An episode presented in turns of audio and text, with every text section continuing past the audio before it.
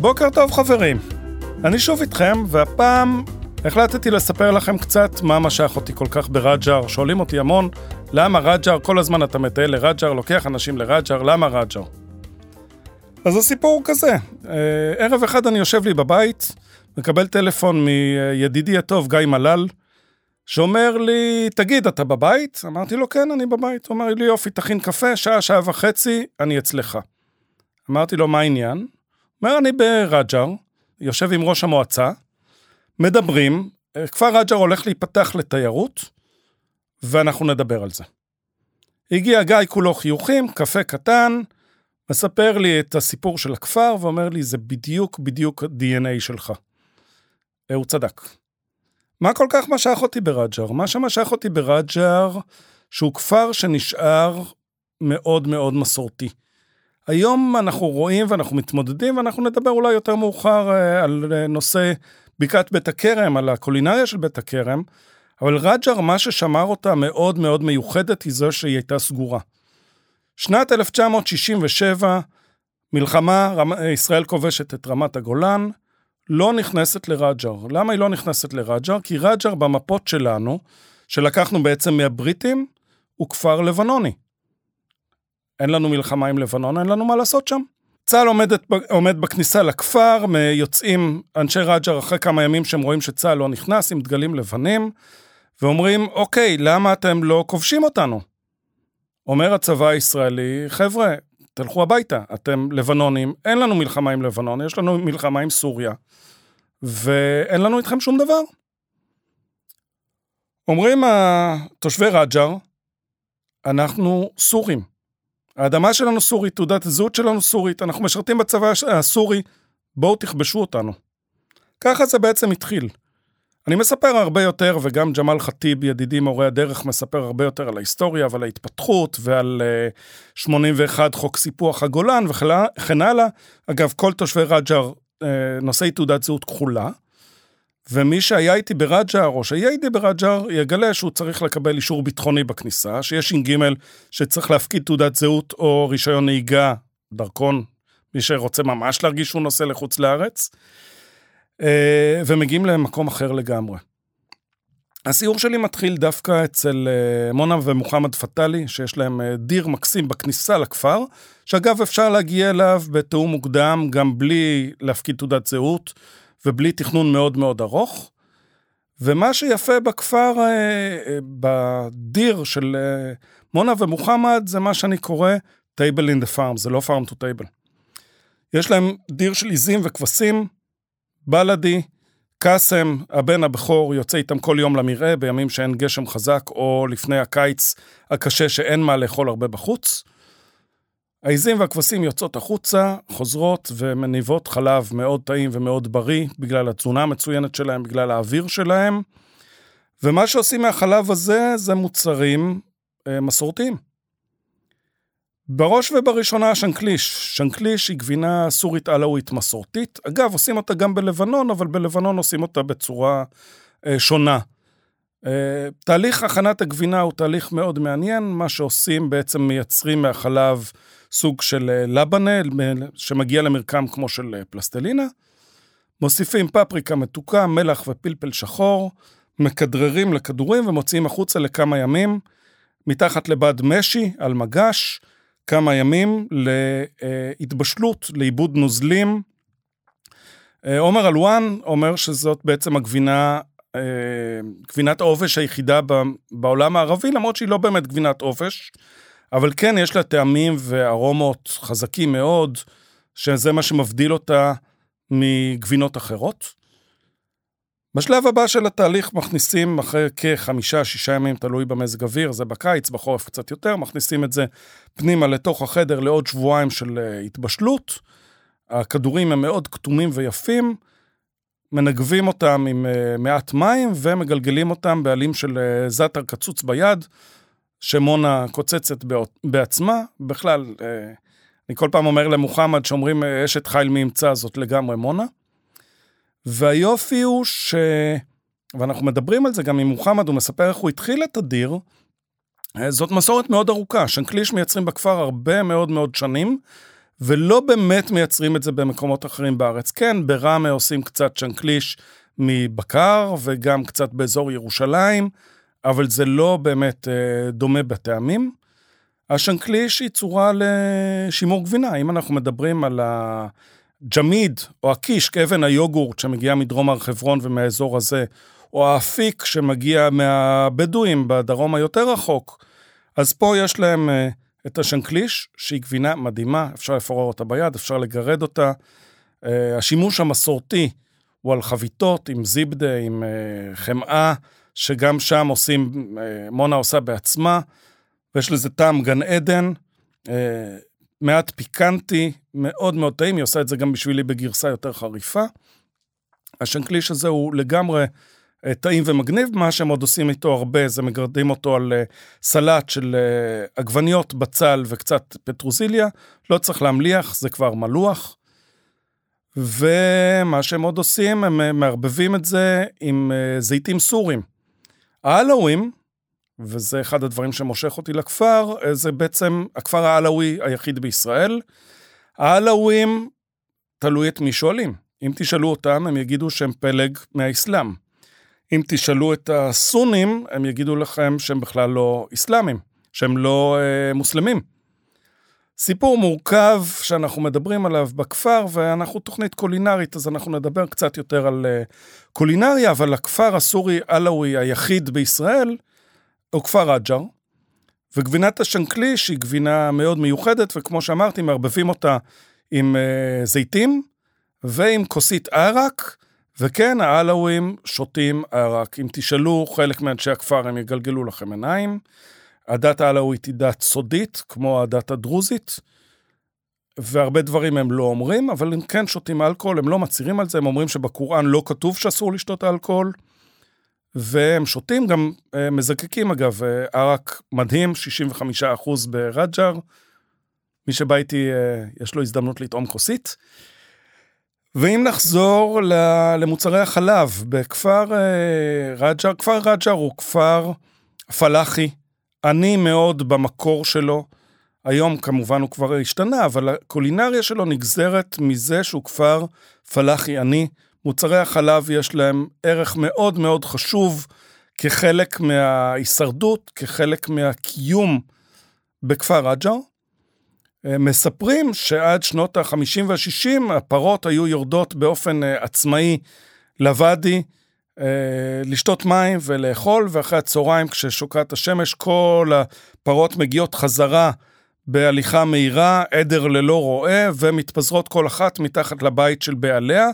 היום אין פרות בתוך כפר רג'ר, יש כן אה, חוות חקלאיות מחוץ לכפר. ההחלטה של המועצה, המועצה ברג'ר היא זאת שקובעת את העניינים. כפר רג'ר יש מחסום בכניסה שדיברנו עליו שצריך אישור מהצבא להיכנס, אבל בתוך כפר רג'ר יש חוקים של המועצה, והם חוקים ששונים מחוקי מדינת ישראל. אתם לא תראו מישהו צופר בכפר רג'ר, אתם לא תראו אה, אופנוע או טרקטורון נכנס לכפר רג'ר, כי זאת ההחלטה של המועצה. מי שרוצה, מעמיס אותו על עגלה ונכנס פנימה. החיים שם הם חיים מאוד מאוד מאוד שונים, סוג של uh, כבר לא משק אוטרקי כמו שהיה פעם, אבל חיים שונים מאוד מהחיים שאנחנו מכירים, עם קודים של התנהגות, של כבוד, מאוד מאוד מאוד שונים. Uh, כל מי שאני מטייל איתו אומר, אפשר לקחת קצת את uh, אבו האשם, את ראש המועצה, שיהיה ראש המועצה שלנו או ראש העיר שלנו? ואז ג'מאל חטיב מחייך ואומר, לא. ראש בלי גוף, אי אפשר. גוף בלי ראש, אי אפשר. אבו האשם הוא שלנו. אה, וכולם מחייכים וכולם מקנאים.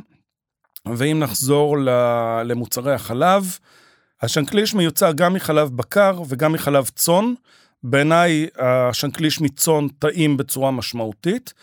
היופי בחווה אצל אה, מונה ומוחמד, היא שאין אחידות מוצר, זה לא תנובה, זה לא שטראוס, אין נוסחה מדויקת. החלב בכל עונה בשנה טעמו שונה, רמת השומן בו שונה. על פי תקופת ההמלטות יש יותר חלב מעיזים או יותר חלב מהכבשים, וכל פעם שתהיו שם, המוצר הוא מוצר שונה וזה חלק מהיופי שלו. והכיף של הקהל שמגיע לשם לראות את המטבחון הקטן, לראות את העיזים, לראות את הכבשים, לח, לחבק ו- וללטף את הטלאים והגדיים, וגם אנשים מבוגרים מתים על זה, ולראות כמה זה אמיתי וכמה זה פשוט, וכמה זה טעים, נותן אה, פשוט משהו אדיר. מונה עושה שם עוד המון המון דברים. היא עושה ריבות מסיד, אה, שיטה מסורתית, אגב, בכל העולם הערבי, באזור שלנו, ריבות מסיד, אה, פירות או ירקות. מה שמאוד מקובל זה דלת, בעצם מקלפים דלת, חותכים אותה לרצועות, שמים אותה בדלי מים עם כוס סיד בור, בדיוק הסיד שאיתו מסיידים קירות, משרים אותו השריה ארוכה, אה, לילה בדרך כלל בדלת, בתפוחים זה שעתיים שלוש, כל דבר זה קצת שונה. שוטפים את זה שטיפה מאוד מאוד טובה, ואז מבשלים עם סוכר. מה שעושה הסיד, הוא משנה את המרקם של התוצאה הסופית, מקבלים קראנץ' מאוד חזק מבחוץ, עם רכות מבפנים, טעמים שאנחנו לא מכירים, מונה לפעמים גם מוסיפה תבלינים חמים, קינמון, הל, ציפורן, וזה יוצא מגניב לגמרי, ותחנה פשוט אה, מופלאה, אה, ומה שמופלא זה, זה הפשטות. והדברים הבאמת טובים הם דברים מאוד פשוטים בעיניי, ואכלתי אצל כמה אנשים שעושים בכפר אה, שנקליש. היא עושה אותו הכי טוב, ולא סתם המסעדות בכפר לוקחות ממנה את השנקליש. אה, וזה קצת על מוצרי החלב, דיברנו על אה, זיבדה, על סמנה, על חמאה מזוקקת, על, על השנקליש, זה המוצרים העיקריים. כמובן שגם ג'יבנה, מה שקוראים ג'יבנה ערבייה, זה גבינה לבנה רכה. שיש בה מגוון עצום של שימושים, מהכנף ועד להמון המון צורות אחרות של, של שימוש, ורואים את זה שם בצורה מאוד מאוד יפה. ומשם מטיילים לכפר ורואים uh, את הנוף ורואים את הגן, ושומעים סיפורים, היסטוריה, דמוגרפיה, דת, תרבות. אני חושב שבלי להבין את ההקשרים התרבותיים, ההיסטוריים, העומק של הדברים, אי אפשר להבין באמת גם את הקולינריה של הכפר. והקולינריה היא קולינריה מיוחדת, כי מ-67' הכפר היה סגור לכניסה שוטפת של ישראלים, אה, מה ששמר על מסורות, יחד עם זה שהכפר התקשה להתקיים. היום המון רופאים, המון מהנדסים, עורכי דין, רואי חשבון, יוצאים לעבוד בארץ, בבתי חולים, שני פרופסורים, נכנס כסף, החיים משתנים, נכנס fast food, נכנסים כל מיני דברים שמשנים קצת את המסורת, אבל עדיין כשהגעתי אה, ל Blue Line, למסעדה, לחדר, חדר בחור מקסים, מבשל מדהים, ואמרתי לו, תשמע, חדר, כשמגיעים איתי החבר'ה, בבקשה, אני לא רוצה את האוכל שאתה מגיש בשוטף, והתפריט שלך הוא אחלה, אבל זה לא מה שאני רוצה, ואני בטח לא רוצה את מה שאתה עושה בטייק אווי בערב. ומה אני עושה בטייק אווי? אמרתי לו, בחייך, אני חי פה בגליל, אני יודע מה קורה. אתה עושה להם המבורגרים וצ'יפס. והוא התפוצץ מצחוק, ואמר לי, אוקיי, אז מה, מה אתה רוצה שאני אעשה? אמרתי לו, את האוכל של הבית, את האוכל של אמא, את האוכל של סבתא. אז הוא אומר לי, מה, אתה רוצה שאני אגיש שש מנות של בורגול? אמרתי לו, כן, למה לא? Uh, ויש אפילו יותר משש מנות של בורגול. זה מגיע בכל מיני דרכים שונות, ואם דיברנו על פלאחים עניים, החיטה הייתה חלק מאוד מאוד חשוב מה, מכלכלת המזון של כפר רג'ר. היו להם שטחים גדולים של uh, חיטה שאיבדו אותה. Uh, אכלו הרבה קש תרתי משמע מפצצות תאורה ומכל uh, מיני דברים שגרמו לשדות להישרף ולקושי לאסוף את היבול, והרבה שנים מאוד מאוד קשות בכפר. אבל הבורגול הוא עדיין חלק מאוד מאוד מאוד משמעותי בקולינריה של הכפר, בניגוד לקולינריה בדואית למשל, או לקולינריה ערבית יותר עשירה, יש משפט שלימדה אותי ג'לילה מזריב מזרזיר, שאומר שכשהאורז הגיע, הבורגול תלה את עצמו. כשהפרסים הביאו לפה את האורז, מי שהייתה לו את היכולת הכלכלית לשלם, קנה אורז. אצל הבדואים להגיש מנה עיקרית מבורגול זה עלבון. אתם לא תראו במנות העיקריות בורגול, כן תראו את זה במנות הצד, אבל המנצף לעולם יהיה מאורז והמנות העיקריות יהיו מאורז. אצל uh, תושבי רג'ר זה אחרת, המנות החג...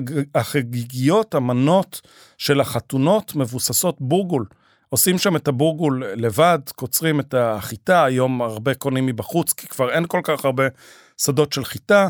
מבשלים אותו בסירים ענקיים, מייבשים אותו על הגגות כמה ימים, גורפים פעמיים ביום כדי שהוא לא יתאפש ויקבל צבע אחיד, ומכסים נגד יונים ומכרסמים וצרות אחרות, ומביאים את זה אה, לטחונה המקומית, לתחנה, לגרוס את זה בצורה שונה לפי עובי השימוש. ואחד השימושים המעניינים מאוד מאוד מאוד שיש ברג'ר, לא נדבר על כל המנות, אבל אני כן רוצה לדבר על, אה, על שתיים. אני רוצה לדבר על הקישק, שזה לא אבן יוגורט, זה בעצם בורגול מוצס עם יוגורט, עם ינסון, עם אניס טחון בפנים, צרים אה, מהקישק הזה מעין אה, קציצות קטנות ומייבשים את זה על הגג. מאוד מאוד שונה מהשימוש למוצר בעל שם דומה במטבח הדרוזי.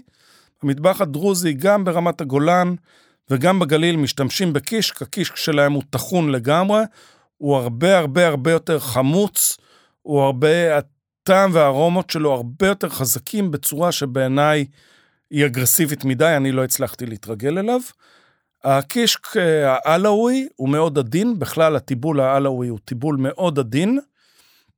ומה שעושים עם הקישק זה כמה דברים. השימוש המסורתי הוא להעמיס אותו במים פושרים ולאכול אותו כמו דייסה, כמו סוג של מרק מאוד מאוד סמיך בימים של חורף, לפני שיוצאים לשדה, הוא מאוד מאוד מחמם, הוא מאוד מאוד ממלא, מנה מנחמת של, של בית, שמחזיקה את הפלאחים כשהם יוצאים לעבודה הרבה מאוד שעות.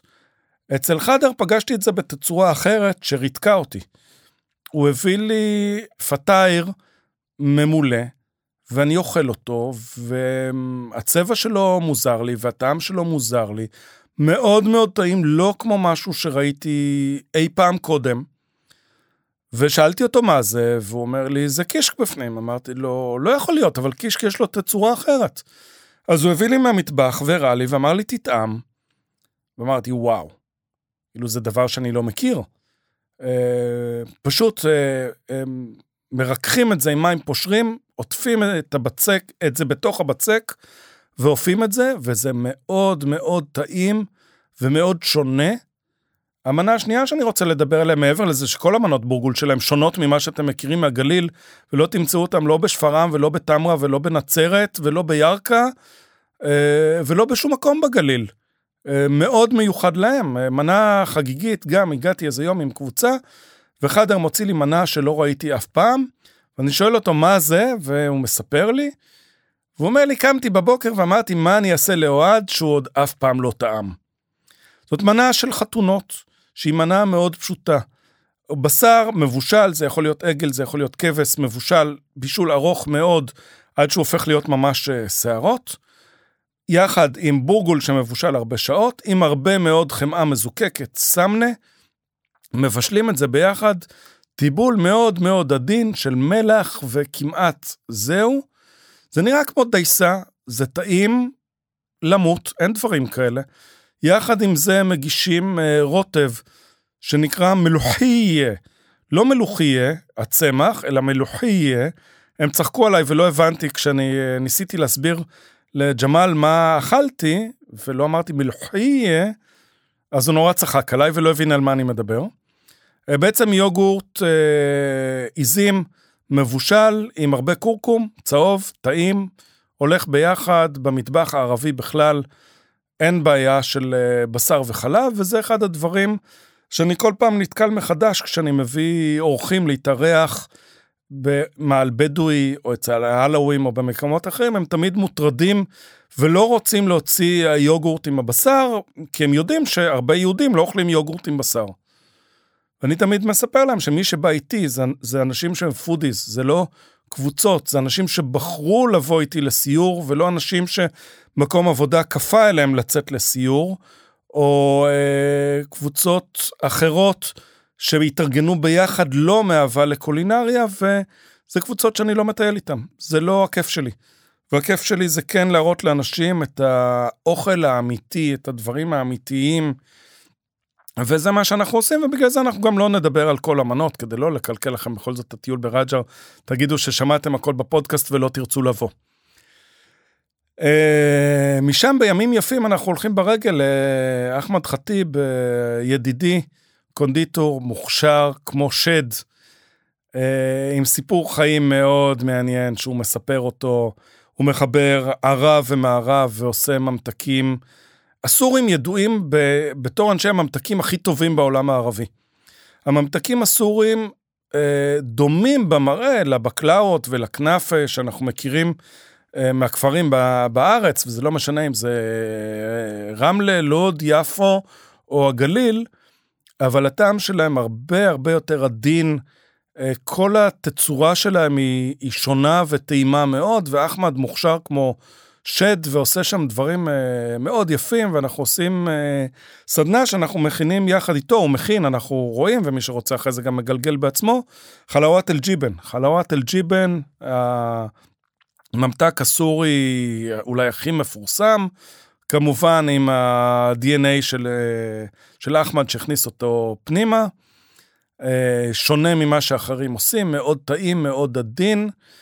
וגם פה אני אוהב לספר את הסיפור שפגשתי אותו פעם ראשונה, הוא הגיע במיוחד משכם, חיכיתי לו קצת עד שהוא uh, הגיע, הוא לומד שם מקונדינטור פלסטיני שחי בסוריה, uh, מלמד אותו איך מכינים את המתכונים הסורים המסורתיים.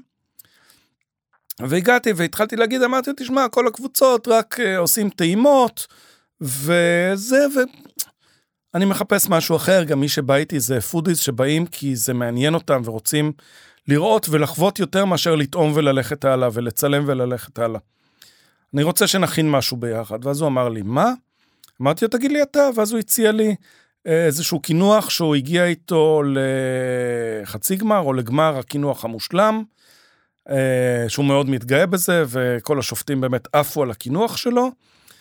והוא אמר לי מה הוא רוצה לעשות, ואמרתי לו, תשמע, לא, לא מתאים לי. אז הוא אומר לי, למה לא? אמרתי לו, סבתא שלך תראה את הקינוח הזה, היא תדע מה זה? הוא אומר לי, לא, לא, מה פתאום, זה שלי, זה המצאה שלי. אמרתי, בגלל זה לא. תציע לי משהו אחר, ואז הוא הציע לי משהו אחר, ואמרתי לו, תגיד, השכנים שלך יראו את זה, הם ידעו מה זה? הוא אומר לי, מה פתאום? זה שלי, זה אינטרפטציה שלי, לקחתי את זה למקומות אחרים לגמרי, לגמרי, לגמרי. אמרתי לו, יופי, אז לא. ואז הוא הסתכל עליי במבט מיואש, ואומר לי, טוב, אז, אז מה אתה רוצה? חייכתי ואמרתי, תגיד לי, מה, כשהיית ילד, וסבתא רצתה לפנק אותך, מה היא הייתה מכינה לך? אומר לי, אה, זה קל, חלאוות אל-ג'יבן. אמרתי לו, אה, זה קל, אנחנו עושים חלאוות אל-ג'יבן. ומאז אנחנו עושים חלאוות אל-ג'יבן. הסיפור של אחמד הוא סיפור מאוד מעניין, הוא נקרא על שמו של סבו, שהיה אה, שייח' מאוד מאוד מכובד, שעדיין מדברים עליו אה, בכפר, והוא היה אה, מרפא מסורתי. היו מגיעים אליו אנשים אה, מכל הארץ וגם מסוריה ומלבנון, והוא היה מקבל אותם והוא היה מגרש עדים. הוא היה פותח את כתבי הקודש וקורא ומדבר עם השדים ומגרש אותם, ושמעתי סיפורים מדהימים, גם מאחמד וגם ממוחמד, שאח של, uh, של חוסיין, אבא של אחמד, היה חבר טוב שלו, והוא ראה דברים בעיניים ומספר את הסיפורים, וזה סיפורים שאת חלקם אנחנו מספרים עליהם בסיור עצמו. אני לא רוצה להכניס לכם יותר מדי טיזרים ולקלקל לכם את הכיף מהסיור, אבל הסיפורים האלה הם, אה, הם נשמעים לא מהעולם הזה. זה סיפורים שאתם שומעים אותם, אתם אומרים, טוב, נו, זה פולקלור, זה מסורת, זה, זה לא הגיוני. אבל אז אתם מתחילים לשמוע את זה מצדדי ג' שראו את זה בעיניים ולא היו המשפחה ולא היו באירוע עצמו. אתם שומעים את הסיפור ומגרדים בראש ואומרים, אוקיי, מה, מה קורה פה בכלל? ועם uh, התהייה הזאת אנחנו uh, יוצאים החוצה מהכפר. אנחנו יוצאים מהכפר כשאנחנו uh, עם המון המון שאלות, עם המון המון מחשבות. גם עם המון רעיונות מה לעשות עם האוכל שלנו אחרת, ולא סתם היו איתי השותפים של R2M בסיור קולינרי, וגם שפים אחרים אה, הזמינו, חלקם היו וחלקם יהיו איתי בסיורים, כי מקבלים המון המון השראה מחומרי גלם מאוד פשוטים, שחלקם נמצאים סביבנו, ואנחנו לא יודעים להשתמש בהם. והשימוש המסורתי בהם שמאוד מאוד נשמר, אה, ויש לנו חלק גדול בשימור שלו, כי שוב, תושבי הכפר לא באים למסעדה כדי לאכול את האוכל המסורתי, כי יש להם אותו בבית. ואני חושב שהתיירות המתפתחת בכפר רג'ר, שאני שמח להיות חלק ממנה, והאשם רכז התיירות וכל האנשים שם שעוסקים אה, ימים כלילות, בקושי לא פשוט. הכפר היה סגור עכשיו חודש וחצי לסיורים, הצבא סגר אותו, לא ניכנס לפירוט מה ולמה, לא כי היה מסוכן להיכנס לשם, אה, אין שום חשש.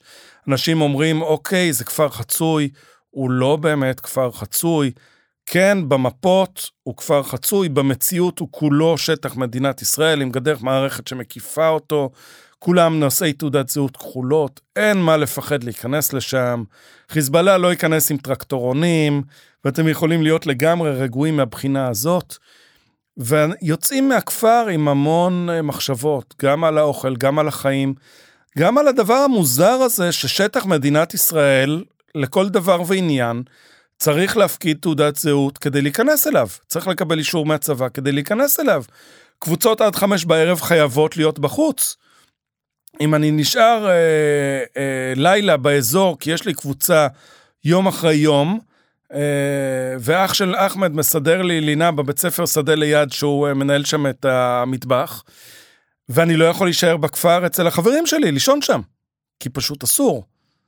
וזה נורא מוזר, ואז רואים את הניקיון ורואים את הבתים ושומעים על ההיררכיה והסדר הפנימי והתרבות, ומגלים משהו שהוא הרבה יותר אה, רחוק מאשר קרוב, למרות שהוא בישראל.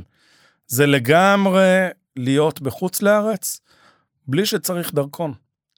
ועוד דבר שמאוד מאוד חשוב לי להוסיף, וזה אחד הדברים שמאוד משך אותי לרג'ר והפך אותי להיות בן בית שם, זה האנשים. האנשים פשוט אנשים מקסימים, מרתקים. הפכתי להיות בן בית שם, הפכתי להיות חבר, הפכתי להיות מוזמן לאירועים משפחתיים. אה, זה משהו אחר לגמרי, זה שיחות ארוכות מחוץ לעבודה, על החיים, על התחביבים, על המשפחה, על עצות, על חיים. זה הרבה הרבה יותר מאשר רק קולינריה, וקולינריה ואנשים ביחד זה דבר מנצח וזה הדבר שהכי מרתק אותי בעולם. אז אני מזמין אתכם אה, להיכנס לאתר של פודשופ, להשתבץ לאחד מהסיורים העתידיים שלי ברג'ר, סיור ארוך, שש וחצי שעות, הוא מתאים רק למי שבאמת אוהב קולינריה. אם אתם לא באמת אוהבים קולינריה, יש המון סיורים, יש המון מדריכים שמטיילים ברג'ר, סיורים שונים משלי, הם אחלה לגמרי. אם אתם לא באמת אוהבים קולינריה, תבחרו סיור אחר, מרתק לכל אחד. אם אתם גם אוהבים קולינריה וגם אוהבים לראות עולם, בואו איתי לרג'ר ולהשתמע.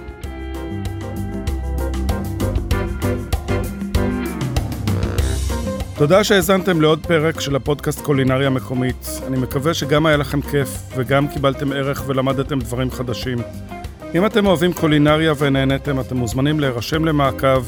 אם יש לכם מה להגיד, לספר, אורחים שאתם חושבים שכדאי לראיין לפודקאסט, אתם מוזמנים ליצור קשר דרך קהילת הפייסבוק של קולינריה מקומית, להשאיר לי הודעה פרטית או דרך האתר פודשופ, ואני אשמח להגיב, לארח ולשמח את כולנו.